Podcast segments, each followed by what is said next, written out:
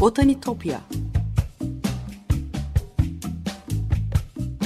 Sesli Doğa Tarihi Müzesi Bitkiler aleminin tuhaf ve muhteşem dünyasını belgeleyen botanik sanatına dair her şey.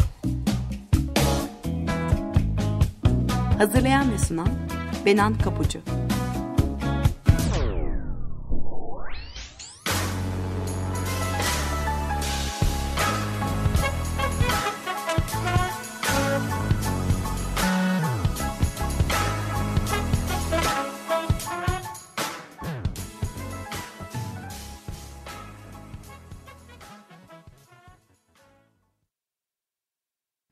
Merhaba sevgili Açık Radyo dinleyicileri. Botanitopya'ya, bitkiler aleminin tuhaf ve muhteşem dünyasına hoş geldiniz. Anlatıcınız ben Benan Kapucu. botanitopya.gmail.com elektronik post adresinden ya da aynı adlı Twitter ve Instagram hesaplarımdan bana her zaman ulaşabilir. Yorumlarınızı ve anlattığım konuya dair katkılarınızı paylaşabilirsiniz. Bazen burada anlattığım hikayeleri görsellerle, küçük özetlerle destekliyorum sosyal medya hesaplarımdan. O yüzden takipte olursanız çok çok sevinirim. Eski yayınları da Spotify'dan Açık Radyo Podcast üzerinden ulaşabildiğinizde tekrar hatırlatmak isterim. Sevgili dinleyiciler bugün Alman botanikçi Leonhard Fuchs e, ve onun ünlü kitabı ilk gerçekçi bitki çizimleri hazırlanmış Deosteria Stilpium kitabını anlatacağım. E, Otto Brunfels ve Jerome Bach ile birlikte botaniğin üç kurucu babasından biri sayılıyor. Fuchs, e, Tübingen Üniversitesi'nde dünyanın en eskilerinden olduğu varsayılan ilk Alman botanik bahçelerinden birini kurmuş ve o dönemin yükselen hümanizm ruhuyla birçok reformu da hayata geçirmişti. E, Rönesans döneminden bahsederken ondan söz ettiğim oldu önceki programlarımda. Adı aşina gelecektir. Onun da ötesinde adı eminim sizin de çok iyi bildiğiniz hatta belki de balkonunuzda seyrettiğiniz bir çiçekte ve renkte yaşıyor küpe çiçeği de dediğimiz fuşya adını Rönesans döneminde 1500'lerde yaşamış bu Alman botanikçiden alıyor. Leonard Fuchs onuruna adı verilen bitki hiç görmemiştir aslında.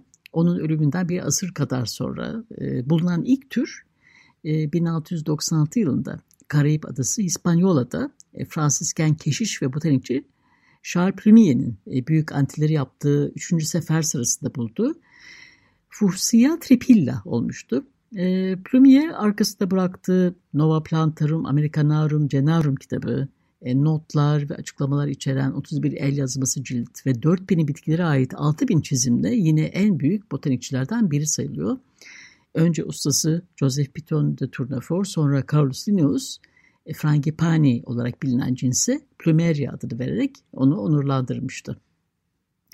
Evet, e, Fuchs'un kitabını anlatacağım ama ama önce nasıl bir geçmişten geliyor ona bakalım. E, çocukluk hikayesinden daha iyi bir çocuk olduğunu anlıyoruz. E, Leonard Fuchs 1501'de e, Alman Rönesans'ın zirvesinde Bavyera'da doğmuş.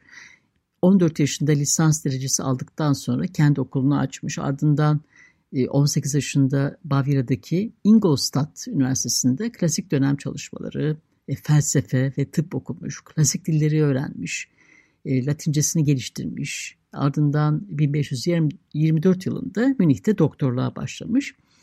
E, bir süre sonra da e, Brandenburg Uç Bey'in doktorluğunu yapması için Ansbach'a çağrılmış. E, bu süre zarfında bir yazar olarak da kendini geliştirmiş.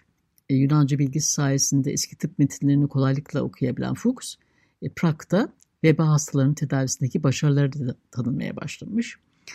Hekimin yanı sıra botanikçi olarak da öne çıkar. E, ilk olarak e, tedavilerinde biberiye, patasit ve sarı gentian yani gentiana lutea gibi e, bitkileri kullanır. Çeşitli gentian türlerini kullanır. E, ölümcül sudor anglicus yani İngiliz terleme ateşi denen hastalığın tedavisiyle ün kazanır. E, 1533 yılında e, Württemberg Dükü Ulrich tarafından e, Tübingen Üniversitesi'nin hümanizm ruhuna göre reforme etmesi için e, çağrılmış, Tübingen'e çağrılmış. 1535 e, yılında e, burada dünyanın ilk botanik bahçelerinden birini yaratır ve hayatının son 31 yılında tıp, tıp profesörü olarak burada geçirir. 7 kez şansölye olarak görev yapar. Öğretim önemlidir Fuchs'un hayatında, öncelikler arasındadır. Tıp öğrencileri için botanik alan gezileri de dahil olmak üzere müfredata birçok yenilik getirir. E, birincil amacı tıpla ilgili eski bilgi kaynaklarının yeniden keşfiydi aslında. Botaniğe tutkuyla bağlı olan Fuchs şöyle diyordu. Bu hayatta çeşitli çiçekler ve zarif bitkilerle süslenmiş ormanlar, dağlar, ovalarda dolaşmak ve onlara dikkatle bakmaktan daha hoş ve zevkli hiçbir şey yok. Ama buna bir de aynı bitkilerin erdemleri ve güçleriyle tanışmak eklendiğinde verdiği zevk ve haz hiç de az değil diyor. E, De Hysteria stirpium bitkileri ve onların tıbbi kullanımlarını anlatan e, uzun bir bitki kitabı gene bir parçası aslında. 16. E, yüzyıldan önce çoğu bitki kitabı bilimsel veya sanatsal gözlemlere değil, halk geleneklerine, Yunan ve Roma metinlerine dayanıyordu. Fuchs geleneksel ve genellikle tuhaf bir şekilde yanlış temsiller kullanmak yerine canlı bitkilere dayanan çizimlere odaklanarak bu gelenekten kopan bir botanikçi olmuştu. E, habitatlarına, e, çiçeklenme dönemlerine ve tıbbi özelliklerine atıfta bulunarak bitkilerin botanik açıklamalarına da yer veriyordu.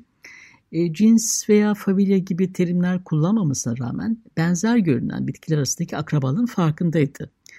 Aynı türe ait bitki bireylerinin farklı sahalardan e, detaylı karşılaştırmalarını yaptığı için bilimsel yönüyle modern botaniğin temellerini atmış olduğunu da söyleyebiliriz.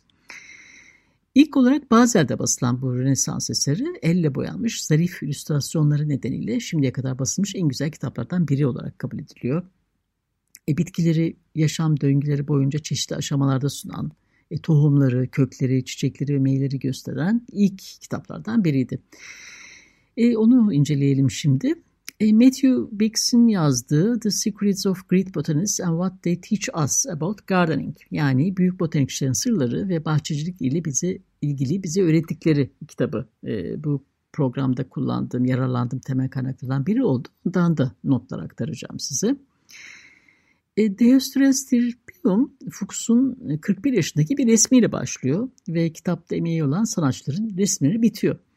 Resimli kitapları basılırken o zamana dek hep yapılan e, standart bir iş bölümü olduğunu anlıyoruz elbette ama bu sanatçıların isimleriyle, cisimleriyle kitapta gösterilmiş olması 1500'ler için pek alışıldık bir durum değil. Sırf bu açıdan bile e, erken dönem bilimsel kitap arasında dikkate değer. İş bölümü şöyle, Albrecht Meyer canlı örneklerden bakarak çizimleri yapmış. Heinrich Fulmauer çizimleri tahta bloklara aktarmış ve White Rudolf Speckle de o tahtaları yani o ahşapları oyup baskıya hazır hale getirmiş. E, Fuchs özellikle sanatçılardan biriyle gurur duyuyordu. E, Strasbourg'un açık ara en iyisi olan ahşap oymacı White Rudolf Speckle. E, hayranlık uyandıran sanatçı resmi mükemmel bir şekilde kopyalıyor.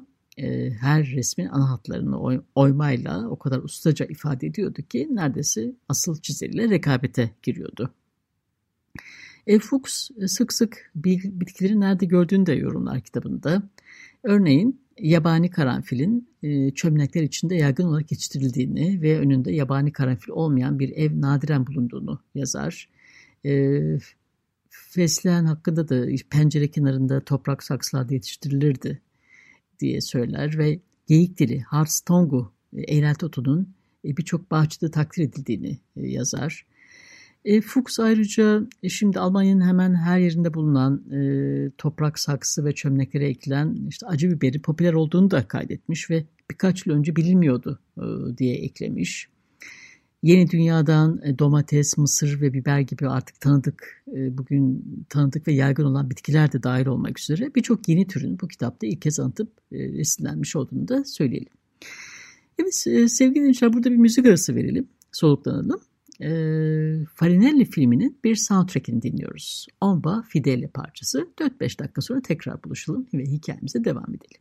Merhabalar tekrar. 95.0 Açık Radyo'dasınız. Botanitopya'da Alman botaninin kurucu babası Rönesans ailelerinden Leonard Fuchs'u konuşuyoruz.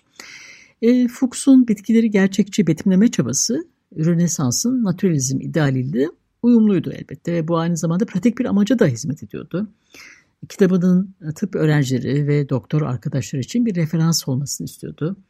E, bilimsel bitki çiziminin yeni sanatlarını da belirlemiş oldu böylece.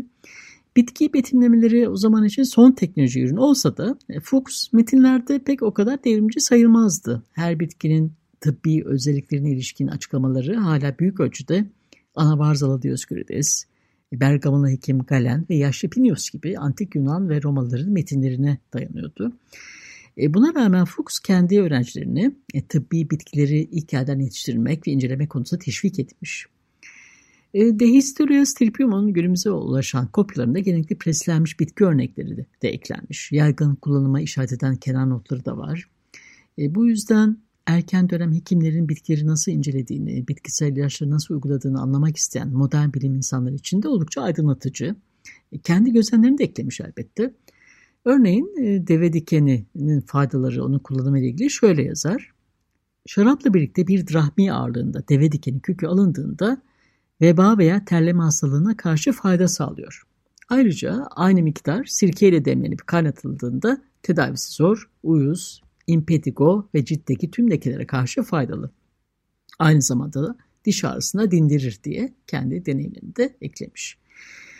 E, De Historia Stirpium'da Avrupa'da yetişen 400 bitki türü incelenmiş. E, kitap ayrıca Avrupalıları Amerika'dan getirilmiş meyve, sebzelerle, bitkilerle tanıştırıyordu. E, Fuchs'un e, bu bitkilerden bazılarını yeni ve egzotik olanlar da dahil e, örneklerinden e, tohumlar alarak birçoğunu Tübingen bahçesinde yetiştirdiği de düşünülüyor.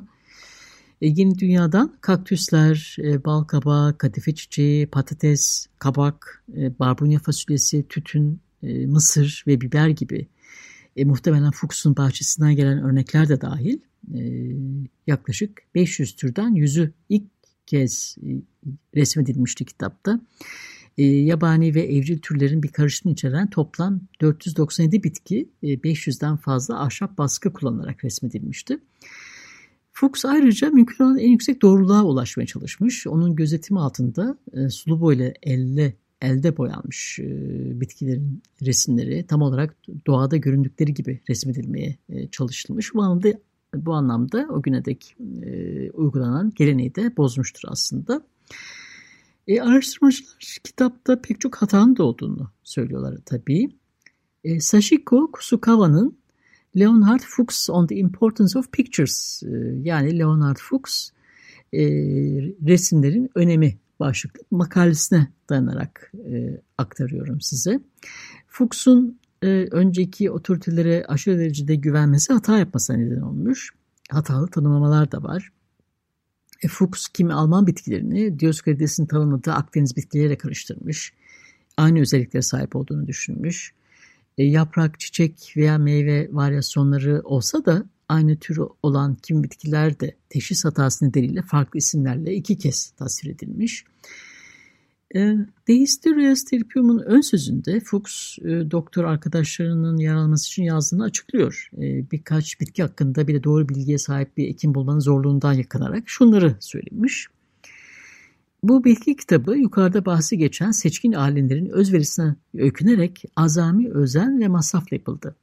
Öncelikle her bitkinin tüm tarihiyle ilgili ne varsa tüm fazlalıkları atılarak e, kısaca ekledik. Umarız ki en iyi sırayla düzenli olarak takip edilecektir. Sonra her bitkinin açıklamasına bir illüstrasyon ekledik. Bunlar gerçekçi ve doğadan modellenmiştir ve deyim yerinde ise her zamankinden daha ustaca yapılmıştır. E, Fuchs'a göre resim ve metinsel betimleme arasındaki birebir uygunluk başkalarının kitaplarını değerlendirirken de birinci ölçüttü. Hatta ona göre e, Selefi Otto Brunfels bile bu konuda başarısız olmuştu. E, Fuchs'un her bitki için farklı bir resim üzerine ısrar etmesi, bir, bir yazarın resimlerle metin arasında kesin bir ilişki kurma girişimini dile getirmesi açısından e, e da önemli ilk örneklerden biri aslında. O dönemin e, anlayışını, koşullarını düşünürseniz 16. E, yüzyıl boyunca e, özellikle örneğin seküler edebiyatta aynı resimler farklı bağlamlarda yeniden kullanılabiliyordu. E şöyle der, soruyorum. Aklı başında olan hangi insan nesneleri en belagatli adamların bile sözle tanımlayabileceğinden, tanımlayabileceğinden çok daha açık bir şekilde ifade eden bir resmi mahkum edebilir. Bir metnin yalın kelimelerindense bir resim şeyleri daha kesin bir şekilde ifade eder ve onları zihnimize daha derinden kazır. Evet bu söz Fuchs'un resimlerin gücüne olan inancını da bize aslında kanıtlıyor. E, kitabın ön sözünde ayrıca Spekle'nin resimlerinin daha önce yayınlanmış diğer bitki resimlerinden neden farklı olduğunu da ayrıntı olarak e, açıklamış. 1540 yılında Frankfurt matbaası Kreuterbuch'ta basılmış Botanikonu iki veya üç farklı bitki için aynı resmi veya adı kullandığı için sert bir şekilde eleştiriyor aslında.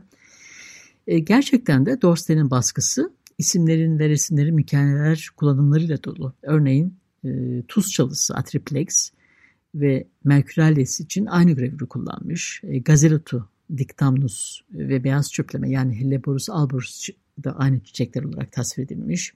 Ve kılıç otu Gladiolus da yine bunun adı da üç farklı bitki için kullanılmış.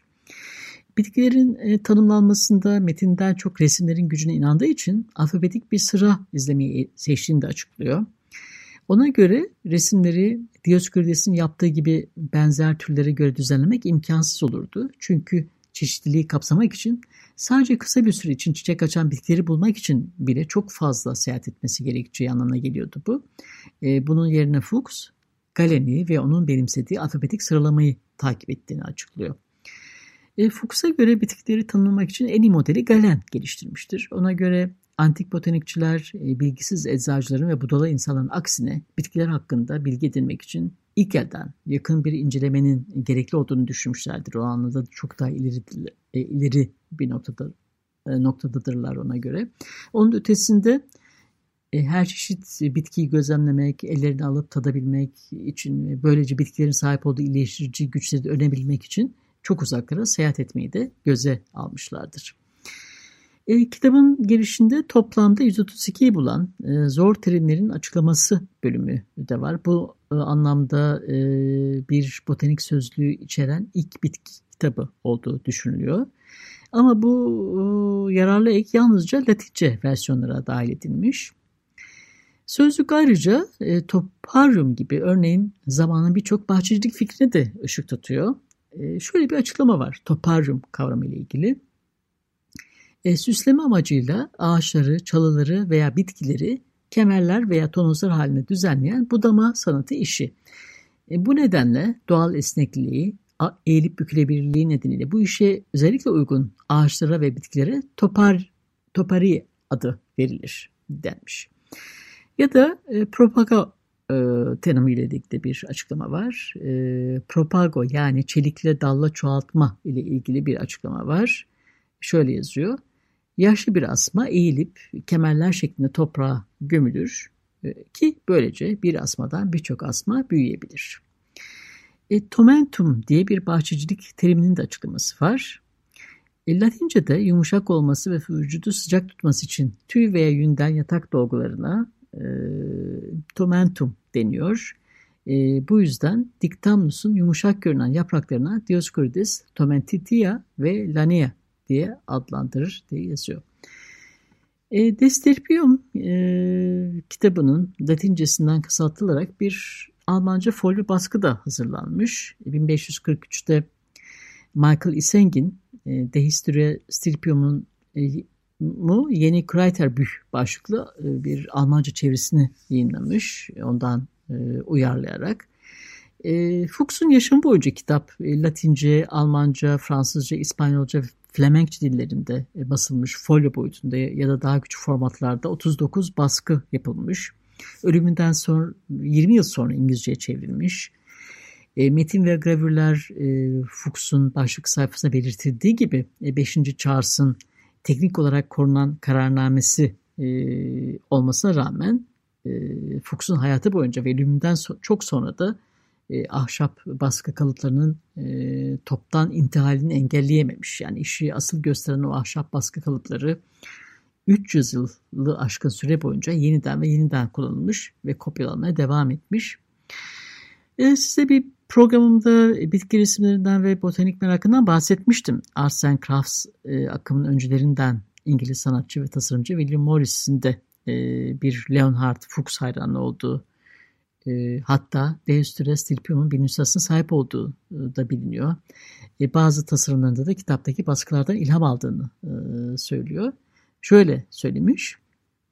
E, bunun bir nüshasına sahibim ve çok yararlı buldum.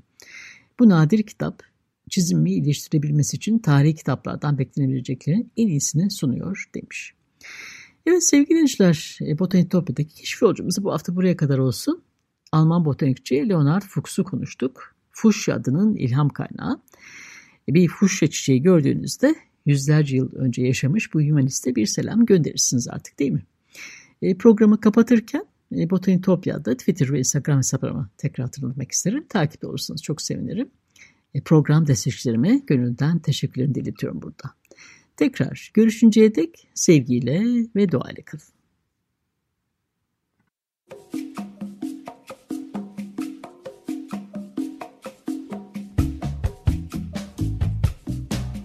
Botanitopya Sesli Doğa Tarihi Müzesi Bitkiler aleminin tuhaf ve muhteşem dünyasını belgeleyen botanik sanatına dair her şey. Hazırlayan ve sunan Benan Kapucu